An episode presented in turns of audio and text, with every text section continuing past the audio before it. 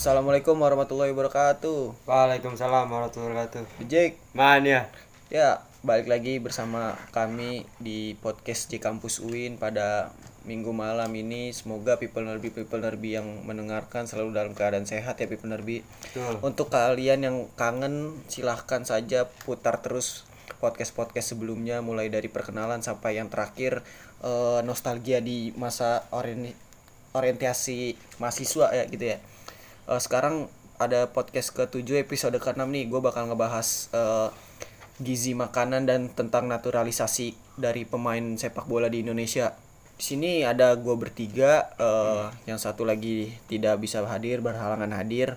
Eh, di sini jadi menurut sudut pandang kami bertiga, eh, mungkin teman-teman people nerbi people nerbi di rumah yang mendengarkan bisa meng-cross check atau berpikir dengan baik gitu karena ini hanya pendapat kami bertiga aja tentang naturalisasi dan tentang gizi makanan yang sedang viral ini. Eh mungkin ya langsung aja ya kita bahas nih ya eh, tentang naturalisasi dan gizi pemain. Mungkin dari menurut mungkin menurut sudut pandang gue dulu eh, tentang gizi makanan.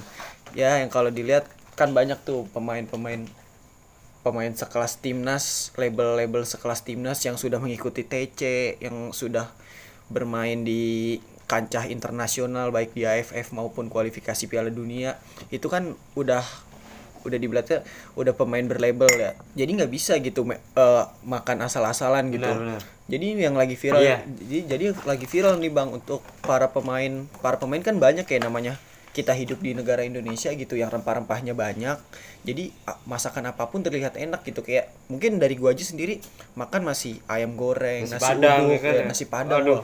nasi padang enak banget tuh bang di Lebak Bulus ada. Tapi mahal bang di situ. Mahal.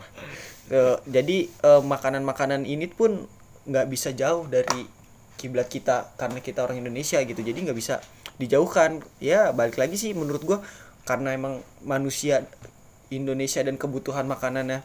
Seperti itu makanan kalori makanan bakar-bakar sambel kerupuk es teh gitu bang. Itu kan nggak bisa dilepaskan oleh pemain-pemain kita.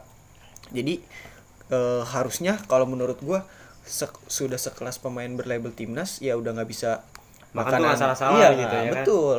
Udah nggak bisa asal-asalan Emang lagi. sebelumnya siapa sih bang? wah ada dah. Ba- sebenarnya kalau se- mungkin sebenarnya kalau satu-satu ya banyak lah bang. Banyak mungkin ya. pemain-pemain yang ex timnas atau lagi menjalankan TC Hmm. Yang atau- diem-diem iya yang diem-diem gitu makan Ya, bisa. makan kayak mangut lele Iya. terus soto betawi terus kayak makan apa sih pecel-pecel gitu itu kan menurut gua eh, konsumsinya tidak sesuai gizi kedokteran kesehatan standarisasi Pemain timnas. atletis iya gitu kan pemain timnas gitu apalagi percuma dong gitu ada ada sekelas timnas ada dokter gitu dari timnas gitu kan berarti kan timnas ini kan mencari ofisial ofisialnya kan nggak bak- nggak bakal mungkin main-main gitu bang. Hmm. jadi yang di yang dipakai ini emang bener-bener ahlinya gitu ahli gizi ahli kedokteran ahli kesehatan gitu emang nggak nggak bisa main-main. Jadi jadi mengeluar eh, PSSI pun mengeluarkan gaji tersebut untuk membayar membayar keahlian mereka. Sedangkan pemain timnas yang sudah dibina di diberi ilmu tentang kesehatan tentang gizi itu tetap melanggar gitu bang jadi menurut gua aduh coba kurang kurangin deh kurangin jauhi gitu ya kalau mungkin kalau emang mau makan seperti itu eh, nggak usah diupload seper- eh, ke, ke medsos Hmm. pribadi gitu lah makan makan aja gitu dan jangan terlalu sering sih Jangan- iya, menurut- jangan terlalu sering, ya kan. kalau bisa sih stop gitu selagi lu masih pada latihan di dunia sepak bola Jadi gitu selagi lu masih pemain Eh, istilahnya. dah. betul Itu makanya jadi harus jaga benar-benar jaga kesehatan gitu kan. Mm. Jangan sampai nanti lu lagi main ternyata lu capek, cepet Ah. capek gitu kan. Ka- karena kandungan Terus ke comeback di, di, menit akhir. itu Aduh. biasanya biasanya pemain-pemain Indonesia itu terkambik di menit 75 ke atas Nah, bang itu iya, makanya kita bisa mungkin bisa simpulkan dari makanan kali. Iya, itu mungkin karena gizi gitu. Ya. Sebagus-bagusnya latihan, sebagus-bagusnya lat- eh, menjaga kondisi fisik, kalau makanannya tidak terjaga pun bisa ru- runtuh gitu, Bang. Ibarat Iya. kalau tiang ya terkena hembusan angin atau eh apa bencana alam yang lain gitu. Jadi runtuh. Hembusan angin kayak lagu Iwan Fals ya Jadi kayak jadi saja ente jadi kayak gitu bang kalau menurut gua ya menurut gua ya sekelas pemain timnas ek timnas yang masih berlabel dengan dengan timnas atau pemain profesional di Indonesia gitu. Tolong dah dijaga eh, kan- kandungan gizi makannya untuk ke depannya gitu kan. Karena bukan buat para penonton sih tapi buat pribadi dia juga kan gitu kan. Sama buat di nama Indonesia juga sebenarnya. Iya di Indonesia sih emang. Karena apalagi kalau misalkan ya lagi apa turnamen-turnamen AFF gitu ya Iya kan?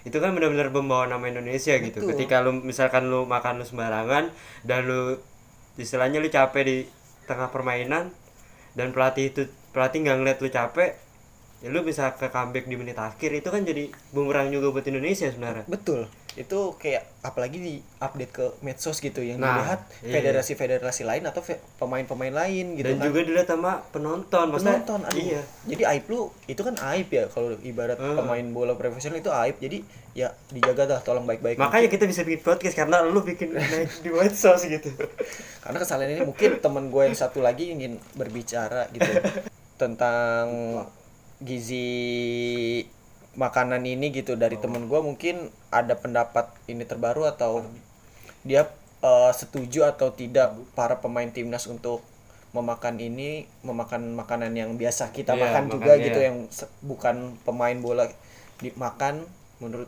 abang gimana nih bang? Waduh, saya bukan pakar gizi. Ah bukan bakar gizi bang. Iya kalau ngelihat situasi seperti ini kita nggak bisa pure menyalahkan seluruhnya ke pemain ya, karena kan dia mau makan apa, mau makan apa, ya itu terserah dia sih menurut gua asalkan apa pemain ini bisa menjaga tubuh kondisi dia ya kan. Eh, kan kembali lagi ah, dia mempertanggungjawabkan apa yang dia lakukan. Menurut gua itu sih yang udah dipikirin udah dipikirin mata yang udah dipikirin sama si pelaku ini gitu. Ya kan? Nggak mungkin dia melakukan sesuatu tanpa memikirkan resikonya ya kan? Menurut gua fine fine aja sih. Mungkin yang yang salah itu diupdate ya. Kan sekarang kan media sosial itu berbahaya menurut gue ya kan? Apa apa diupdate yang gak sejalan sama kita dihantem dihantem seharusnya ya ya apa? Logo sih menurut gue sih. Kalau kalau emang gak seneng ya ngelihat apa ngelihat misalnya ngelihat dia makan apa ngelakuin apa ya kalau nggak seneng menurut gue ya biarin aja sih. Kalau gue kalau gue ya kan. Kalau gue pribadi kayak gitu kalau gue nggak seneng ngeliat di media sosial ya gue diemin aja. Karena menurut gue yang percuma dia juga nggak bakal denger ya kan. Nggak bakal bales nggak bakal ya ya nggak bakal merhatiin kita juga ya kan gitu. Eh balik lagi ke topik soal makanan ya kan. Yang banyak diperbincangkan pasti apa menurut gua pure semuanya nggak salah pemain. Karena kebanyakan kebanyakan tim itu yang mengupdate langsung dari media sosial tim. Nggak mungkin. Itu pasti udah ada pertimbangan. Sedangkan di tim udah punya ahli gizi ahli apa deh pokoknya ahli semua. Pasti udah ada pertimbangan ya kan Ah, makan ini makan ini makan ini pasti tetap ada pertimbangan entah porsinya berapa porsinya berapa ya kan? Pastilah. Ah, karena kan ya orang mau makan apa sih menurut gua pengen-pengen aja sih kan? Nanti dia ngerasain sendiri kan? Iya emang. Efeknya kan ya kadang gimana yang ngelihat netizen netizen ini kalau gua kalau gua pribadi tapi sih? kan dia labelnya pemain pro bang. Pemain Nah, itu. pro, mungkin yang lebih- labelnya. yang- yang salah itu influencer ya dia itu ya? Bukan? Apa tuh bang? Influencer apa? Hah? influencer mah nggak yang mengkampanyekan bang oh yang influencer mah. mengkampanyekan. Biasanya. Berarti dia bukan influencer? Ya bukan kalau dibilang. Tapi kan dia mengkampanyekan makanan tersebut. Ya yang penting kan halal Eh, tuh enggak ya gimana? Berarti dia influencer dong? Iya bisa. Iya kan? Secara tidak langsung kan dia nge-publish makanan Iya. tersebut ya kan? Itu sih kalau gue sih ah, kalau gue punya sudut pandang yang berbeda dari teman-teman gue ini. Karena gue nggak bisa apa ya oposisi banget nih nggak bisa memaksakan Kehendak orang iya, gitu. kehendak orang. Karena ma- masing-masing ma- apa masing-masing apa manusia punya pilihan masing-masing. Tapi tetap gue yakin mereka udah tahu udah memikirkan resikonya itu kayak gimana ya kan daripada kita. Karena dia yang ngejalanin dia yang melakukan gitu loh. Nggak mungkin dia melakukan misalnya makan apa ketoprak pecel ayam gini dia ng- nggak percuma dia ah, apa nggak mungkin dia nggak mikirin resikonya. Sebelumnya berarti diperhitungkan dulu sebelum makan itu. pastilah ya kan apalagi pasti dia konsultasi lah pastilah. Setiap tim kan punya dokter dokter gizi ada ahli gizi ya kan. Ya pasti ada komunikasi lah nggak mungkin dia sekelas pemain profesional masa kayak pemain tarkam sih kan Iya makanya itu bang, kayaknya apa apa pemain ini tidak dikendalikan atau tidak dipantau oleh ahli gizi itu sehingga menyebabkan mereka jajan sembarangan gitu loh bang. lah orang orang kadang media sosial tim kok yang update Nah itu dia gitu kan Iya. apa apa tujuannya untuk mengupdate itu gitu loh ya, ya bang. Karena itu yang diupdate biasanya kan pemain-pemain berlabel timnas nggak sih bang? Pemain-pemain pro yang emang ya itu sih. Yang pastinya ada pertimbangan sih pasti. Nggak mungkin orang ngelakuin sesuatu itu asal-asalan apalagi sekelas pemain pro ya kan? Dia pasti memikirkan karir karir dia juga lah ya kan? Hmm. kalau dia kenapa-napa setelah melakukan ini wah karir gua ya kan yang hancur nih. Pasti kayak gitu dia mikirnya tapi kan adalah konsultasi apa gimana gitu ya kan? Mungkin yang salah dari dia itu mengupdate lah menurut gua di di up ke ke sosmednya ya. iya itu sih yang menurut gua uh, salah satu kesalahannya tapi menurut gua juga kembali lagi ya yaitu kebebasan masing-masing. Buat apa medsos diciptakan kalau bukan buat memamerkan ya kita kehidupan kita Iya, gitu. kan. gunanya medsos kan seperti itu medsos-medsos sekarang kan. Buat memamerkan apa yang kita lakukan ya kan? Nah. Terus buat apa gitu buat adanya medsos? Serba salah juga kan gitu. Tapi kayak kalau gue lihat ya bang ya, itu bukan porsinya mereka bang gitu. Porsinya mereka kan fokus untuk latihan dan memenangkan suatu kompetisi betul nggak sih kalau pemain pro itu? Hmm. nah tapi yang dilihat yang dilihat yang dipermasalahkan ini keluar pada jalurnya di belakang gitu. Kayak harusnya ya emang udah latihan setiap pagi dan sore mungkin ya bang ya. latihan fisik di rumah gitu. Jaga kondisi kesehatan. Jaga kondisi kesehatan ya nggak begadang tidak minum sembarangan minum air putih dengan teratur tidur dengan teratur. Dan ada kesalahan fatal sedikit bang yang mungkin ya ya kayak tadi abang bilang itu mah kehendak mereka biasa aja kalau dari abang biasa aja cuma orang-orang beranggapan ah ini pemain udah dijaga dengan baik segala macam tapi mempunyai kesalahan yang setiap insan itu berbeda caranya masing-masing bro kalau gua ya kan kalau Iya, Bang. gua nih kalau sudut pandang gua Iya, ya kan Bang. nggak Hmm. mungkin insan ini sama dengan insan yang, Yang lainnya lain. ya kan Hmm. nggak mungkin cara dia untuk menjadi pemain pro itu sama gitu ya kan Hmm. pasti mereka punya cara masing-masing lah menurut gua ya kan. Jadi ya tau lah cara mengatasinya ya kan. Ya mungkin dengan cara makan kayak gini dia bisa mulin stamina nya apa gimana oh, gitu ya kan. bisa. Ya kan kita nggak tahu kan punya ide apa punya khas masing-masing ya kan. Itu sih kalau gua lebih gimana ya Eh, lebih membeba- membebaskan main aja sih. Menurut gua membe- membebaskan mereka mereka aja sih menurut gua gua, gua no problem sih asal ya performa dia tetap Jangan stabil dikurangin gitu. gitu. iya tetap misalnya performa dia 60 yang nggak boleh di bawah 60 harus minimal 60 ya harus lebih di atas 60 gitu Oh. loh ya kan? apalagi kan kita kebanyakan ngeliat updatean itu kan pas masa pandemi kan hmm tuh ya kan ya pusing lah orang stres lah menurut gua lah seperti itu lah gua juga stres ya kan apalagi sekelas dia pekerjaan dia cuman itu ya kan dari pemain bola ya Mm-mm. kan ya gimana sih kalau orang stres ya kan ya mungkin sat- salah satu kendalanya stres mungkin ya kan untuk melepas stres itu untuk Iya, kan. makan makanan yang Mm-mm. dia suka gitu ya bang iya kan kita tahu sendiri lockdown kan lama apalagi kita orang Indonesia gitu sih bang Iya. ya. ketemu makanan-makanan gitu emang sehari-hari gak sih iya susah sih emang udah habitatnya kita Betul. loh gitu loh udah nggak bisa diganggu gugat lah menurut gua kalau menurut gua ini kan sudut pandang gua. Jangan ambil dari sudut pandang gua aja ya kan?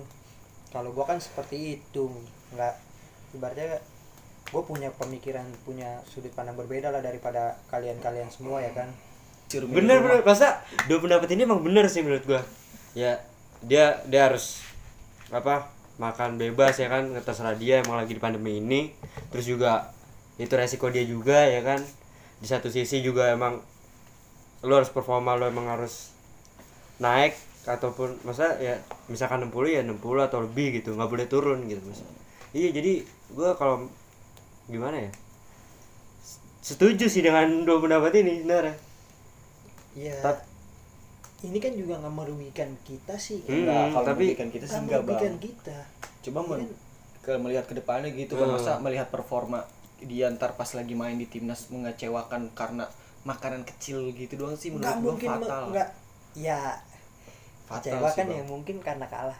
Ya kan pasti kan ada seleksi ya kan? iya. Mau masuk tim pasti ada seleksi loh.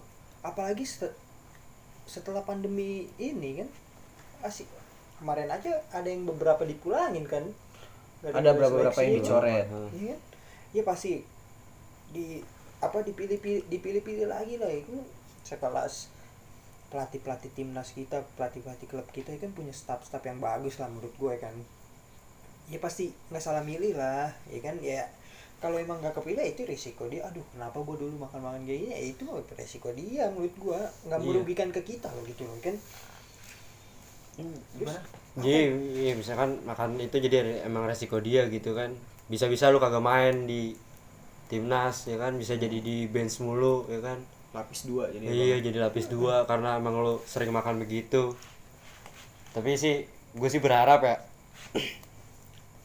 Jangan sampai ya lu bo- boleh lah makan tapi jangan sampai lu di up ke, ke sosmed gitu. Maksud gua apalagi ke ntar apa apa kata orang gitu ya kan. Lu se sekelas pemain makan makan beginian. Konsumsi pribadi aja gitu ya bang. Iya Buat terserah itu lu mau makan makan be- ya apa jangan sampai lu up ke sosmed lah emang sosmed itu sangat bumerang bagi kita sih sebenarnya. Mungkin kan kalau dari kita kan kita punya orang yang lebih ahli ya kan? Tapi kita tuh yang so tahu gitu loh ya kan? Udah lah biarin lah semua tuh ada fungsinya masing-masing. Ada yang ngurus ini ada yang ngurus ini ya kan? Udah tugas kita ya supporter ngedukung. ya kan iya ngedukung tugas iya kita tapi kan kalau dia jelek harus iya lah. berarti harus Tugas- dipantau juga bang apa yang Hmm. salah dari dia gitu. Sekarang kan kita nggak bisa langsung kritik langsung. Betul. ada jembatannya masing-masing ya kan? iya nggak Cuma- bisa kan? disiplin itu kan perlu bang. Menurut gua hal yang paling berbahaya daripada penurunan performa itu ya psikis menurut gua tuh. Serangan-serangan dari media sosial itu tuh yang mempengaruh kepada pikiran kita. Menurut gua itu itu yang lebih berbahaya daripada makanan makanan bisa lah kita perbaiki lagi ya kan? Kalau udah psikis kan beban jadinya lo kita mau ngapa-ngapain ah, mikir lebih dari dua kali kan? Harus ya itu sih banyak kasihan ya kan? Diserang ya netizen orang- netizen iya. ya kalau dibilang ya. Jadi malah nanti mereka itu nggak terbuka. Menurut gua malah seruan kayak gitu sih terbuka di media sosial ya kan daripada ntar tiba-tiba komen ditutup ya kan? Kalau komen Jadi- ditutup gimana? dia anti kritik dong bang kayak gitu ya. Cewek banget ya. Hmm. Ya, di ini DM tapi di DM pasti di DM DM. rame DM iya pas komen dibuka pas ulang tahun doang. Nggak ada yang ngucapin tapi. Ada lah banyak kayak gitu. Tapi udah eh, itu people nerbi mungkin karena ini sudut pandang gitu kan. Eh, jadi gini kalau dari kita kan mempunyai sudut pandang yang berbeda gitu ya. Nah lanjut ke pembahasan selanjutnya. Eh, karena ini masalah gizi dan menyangkut naturalisasi mungkin eh, kalau bisa dibilang banyak yang nggak nurut gitu kali ya sama pelatih baru gitu. Jadi pelatih barunya mempunyai program. Gue saya juga nggak tahu gitu. Pelatih baru apa pelatih baru timnas bang mempunyai Sinteyong iya. STY STY bukan STP bukan. STY jadi. S- STY ini mungkin memantau dari medsos-medsos juga bang sehingga menyebabkan Piala Dunia tahun besok yang di mana diadakan Indonesia dan Indonesia udah pasti lolos mau masuk ke Piala Dunia itu adanya program naturalisasi gitu. Lagi-lagi di sini kita mempunyai akademi yang bagus gitu. Dan bibit-bibit unggul di umur U19 kan ya? U20 U20. Bang. U20 jadi mempunyai bibit unggul di Iya pemainnya paling di U19 bawah. kan. Iya. Tapi lagi-lagi eh, program ini selalu menjadi unggulan gitu. Selalu menjadi unggulan dari federasi kita gitu. Eh, jadi jadi eh, program naturalisasi ini selalu menjadi unggulan di mana eh, ingin hasil yang instan aja dari federasi gitu. At- mungkin nggak cuma federasi mungkin gua juga gitu sebagai supporter ingin jadi hasil yang instan. Cuma kalau eh, mempunyai program naturalisasi dan tidak mengembangkan bakat-bakat yang sudah ada bibit-bibit unggul yang sudah dibangun sampai ke Inggris ya sampai ke Inggris berapa bulan sih itu kan berlatih di Inggris me- melawan Garuda Select itu iya me- melawan pro- lawan melawan Arsenal tim-tim tuh gue Oh, itu yang- Chelsea itu Tim- tim. Garuda Select yang bakal main di timnas. Iya itu kan Iya, seleksi bang. seleksi. Masih masih tahap seleksi belum belum Oh yang masuk kemarin timnas. lawan Liverpool, lawan Iya. lawan Chelsea lawan Arsenal lawan, itu ya. lawan tim-tim Inggris itu kan menurut gua Flamingo tuh ya. itu Brazil bang. Iya. It- jadi menurut gua program itu udah bagus di jalan PSSI dan sudah mendapat chemistry yang bagus dari tim tersebut gitu. Hmm. Tapi lagi-lagi ini tuh yang menyebabkan program yang menurut gua gagal sih. ya. Kayak siapa sih pemain-pemain ba- pemain-pemain naturalisasi yang bisa bertahan sampai menjadi pemain bintang gitu. Contohnya kayak SEA Games 2011 itu manggil Diego Michel, Iya. itu kan kayak sampai sekarang aja Diego Michel malah biasa aja gitu Hmm. mainnya. Terus AFF 2010 Irfan Bahdim. Irfan Bahdim, iya. Terus AFF 2012 manggil Sergio Van Dijk. Gitu, yang striker-striker nggak di jadi pemain-pemain yang nggak ter yang nggak tahu asal usulnya yang cuma keturunan Indonesia dari keluarganya yang nggak jelas tapi bisa dimasukin ke timnas gitu. Dan sudut pandang dan apa namanya bibit-bibit unggul yang sudah ada yang sudah dikembangkan sampai ke luar negeri sampai dia pernah juara mungkin di luar negeri atas nama Indonesia tidak dikembangkan gitu loh bang. Sayang banget. Jadi naturalisasi ini menurut gua coba deh dikurangin dari federasi kita untuk timnas. Ya tahu semua untuk timnas lebih baik untuk persekba persepak bolaan Indonesia lebih maju. Tapi eh, mungkin kita bisa mem- em, memanfaatkan sumber daya yang sudah ada gitu kan. Mungkin menurut gua akademi-akademi junior-junior di Indonesia itu nggak kalah lah sama La Masia sama Arsenal Academy, Chelsea Academy, MU Academy itu nggak nggak nggak kalah lah gitu. Tapi enggak ya bang, tapi menurut gua kayak tadi lu bawa bawa AFF 2010, 2012 sampai yang kemarin terakhir Beto kan ya. Menurut gue itu pemain-pemain yang udah lewat lah masanya ya kan. Jadi performanya tuh apa ya? Kurang lah ya kan. Kalau sekarang kan ya di bawah usia 20 ya kan. Eh, sebenarnya nggak masalah sih menurut gue sih itu naturalisasi ya kan ya nggak nggak nggak cuman di negara Indonesia ya kan sebelumnya kan udah ada banyak gitu Banyak, negara Belgia yang juga banyak, naturalisasi. Bang. apalagi Maksudnya- apa sih yang Filipina tuh Filipina bahkan 9 pemainnya Iya, naturalisasi yang- semua. yang dua asli itu dong menurut gue no problem sih ya kan Eh, eh, naturalisasi kan ya buat apa ya buat kebanyakan pemain luar kan jam terbangnya ya menurut gua per, jam terbang ya kan. Eropa lah khususnya ya kan. Kebanyakan Eropa kan nih? Eropa banyaknya. Eropa kan? Eh Brazil ya? Enggak rata-rata Eropa emang Eropa. Eropa, Eropa, Liga 2 paling. ya mm, menurut gua no problem sih kan buat nambah apa ah, buat nyatuin sepak bola Eropa kultur Eropa Indonesia ya kan. Kan jangkauan kita kan sekarang Piala Dunia kita kan pusat bola kita di mana sih kalau bukan di Eropa ya kan Ya kiblat memang ada di Iya. Eropa, Bang. ya buat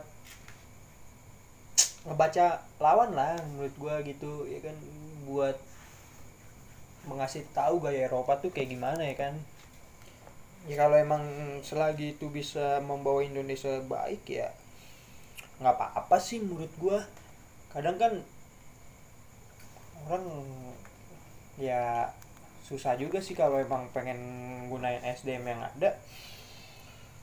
Ya udah banyak lah contoh pemain-pemain Indonesia yang main di luar negeri kan gagal ya kan karirnya Indonesia ya kan. Itu mungkin yang ditakutin ya kan dari contoh-contohnya dan ini menurut gua patut dicontoh sih karena kita bukan AFF apa senior. Ini Piala Dunia muda stamina masih ada. Pola main menurut gua masih bagus. Kalau bisa dicoba menurut gua dicoba sih. Ka- ya kita yang ngeliat yang udah-udah kan susah gitu main Indonesia kan ya. Ya menurut gua salah satu gengsi juga sih apalagi Piala Dunia kan tuan rumah, Tuan ya rumah kan? lagi. Mau ngasih yang terbaik lah. Ya mau kalau mau ngasih yang terbaik ya nggak problem sih dengan cara apa pun juga walaupun sampai naturalisasi ya nggak apa-apa sih kalau gua kalau gua pribadi ya. Patut dicoba sih kalau gue sih karena ini masih U20 ya kan. Masih masih anget-angetnya lah ya kan. Nah itu dia bang yang harus dicoba tuh sebenarnya kalau menurutku ya pemain akademi di mana Piala Dunia ini kan diselenggarain 4 tahun sekali ya. Jadi biasanya bibit-bibit muda ini dari sini bang Piala U- U20 ini kayak Courtois, David Silva, De Bruyne, Hazard, terus si siapa tuh kan pemain-pemain bintang kan rata-rata jebolan-jebolan Piala Dunia U20, U20 se- Piala-Piala Dunia Junior. Jadi menurut gua Indonesia ini harus memanfaatkan momen ini untuk apa ya kalau misalnya iklan atau mempublish mempublish SDM SDM yang kita punya di timnas supaya bisa di, dili- dilihat dilirik Iya. ke tim-tim Ah. besar gitu loh iya nge-branding juga kan Nge-branding. Iya, nge-branding. karena nggak bakal mungkin sekelas Piala Dunia ini orang-orang FIFA dan tim-tim elit Eropa atau tim-tim besar lainnya yang datang ke Indonesia nanti menurut gue pasti ada Iya, Bang. pasti ada lah ya kalau tujuan buat branding doang mah ngapain serius-serius ya kan Halah, justru harus serius harus Bang. serius bang enggak maksud gua bukan serius dengan hal permainan. Mem- mem- menyiapkan permainan ya ya serius yang apa tadi? Ya serius yang nggak serius ya? Eh serius apa sih? nggak serius nih? Ya kita ya marah ya. Ya menurut gua selain branding ya kan ya itu target bro. Menurut gua tuh bro target. Ngejual nama Indo doang ini momennya jarang loh Piala Dunia loh. Iya empat tahun sekali. Hmm. ya helah menurut gue nge-branding. Kalau buat branding mah tanpa tanpa ada piala dunia juga banyak kok yang dari lulusan sono ya kan? Contoh lah Witan sama siapa? Lagi Egi ya udah bisa main di sono.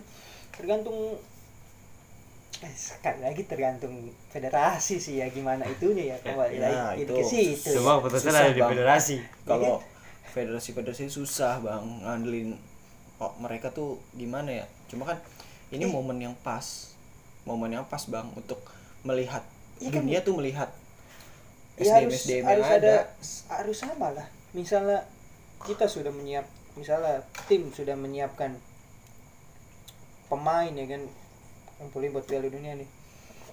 Kalau emang apa nge-branding ya kalau federasi nggak nyetujuin gimana ya kan nyambung gak sih nyambung ya nyambung masih nyambung ya?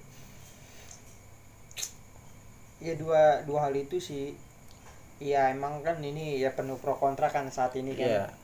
naturalisasi ini bakal berjalan sukses atau Hmm. menjadi blunder tersendiri Iya. gitu kan kalau gue sih patut dicoba Patut dicoba lah. ya ya masuk masukan yang baik terima aja dulu sih menurut gue sih Iya. kita lihat aja dulu Iya. gimana PSSI Paling- bermain ya kan paling yang yang masuk naturalisasi cuma dua. Emang ngurus naturalisasi secepat itu ya kan? Mungkin kalau keperluan negara bisa bang. Cepet, cepat gitu iya. bisa. Tapi kan tapi ini kenapa ya, buat rakyat kecil lama? Ya itu kan saya nggak tahu bang. Ini kan ini duit kepentingan mungkin duitnya lebih gede bang. Kepentingan kepentingan negara gitu loh. Rakyat itu nomor satu. Ya mungkin ini kan momennya momen. Kalau menurut gua ya makanya kenapa gua nggak setuju juga naturalisasi sih sebenarnya gua karena ini Piala Dunia yang dilihat Indonesia harus orang pribumi yang main. Iya betul. Kak lu ba- bangga gak sih? Maksudnya kayak Egi pasti lebih iya maksudnya Lebih- lebih lebih ba- lebih bangga sendiri iya sih sebenarnya. tersendiri dari kayak bag- bagas bagus mungkin ntar bisa direkrut atau Nur Hidayat atau kiper kita Ya. gitu kan bisa dilihat. Bisa branding Iya. branding SDM yang ada di iya, Indonesia. ya, ya ya paling yang yang jadi naturalisasi dua kalau nggak tiga ya mungkin itu bisa eh, mungkin dibatasi juga kali oleh federasi ya gitu ya. iya pasti kan iya pasti lah orang Indonesia yang diutamain lah ya kan? Iya makanya program ini kan karena berjalannya dengan eh, apa indisipliner indisipliner makanan dari apa eh, head coach kita gitu kan di timnas itu kan kayak banyak yang langgar ya. Mu- mungkin program naturalisasi ini bisa mengurangi dari yang pemain-pemain tersebut bisa apa ya eh, menutup lubang-lubang kesalahan di indisipliner indisipliner itulah kekecil itu. Eh, ya ya itu aja sih penting mah ya saling mengisi me- apa mendukung satu sama lain sih. Kalau gua kalau gua ya hal yang baru kenapa nggak dicoba aja dulu. Kalau emang bagus ya lah jalanin ya. Kalau emang buruk ya tinggalin gitu aja sih. Karena kan kita belum tahu kalau belum nyoba tuh kayak gimana ya kan yaudah paling eh, untuk program naturalisasi dan tidak indisipliner pemain bisa di bisa diobrolin gitu mungkin federasi mempunyai jalan keluarnya dan eh, Iya, dan menjadikan urusan federasi Iya. lah menurut gua lah Dan- penting kita udah nyampaikan pendapat kita pendapat aja kita. iya dan menjadikan pemain-pemain profesional lebih baik lagi gitu kan Hmm. akademi-akademi yang sudah punya dari tim di Indonesia atau sekolah-sekolah bola yang ada yang bisa memajukan persepak bola di Indonesia yang bisa Hmm. mem- apa menjadikan pemain-pemain muda kita menjadi branding nanti di Piala Dunia tahun besok. Itu Lagian bagus juga masih 50-50 kan Piala Dunia? Ya kita doain aja bang terselenggaran di ya Indonesia mudah-mudahan aja diundur lagi. Jangan bang. Jangan udah disiapkan oleh PSSI ini makanya. mau itu emang mau apa nyerang ultra nyerang hooligan Perancis. Bukan saya mau jadi volunteer Piala Dunia bang. Emang ada? Nggak tahu. Ada bang pasti. Bagi dong lobangnya. Iya makanya kita doain aja untuk untuk Piala Dunia saya tahun yang dijakabarin juga nggak apa-apa.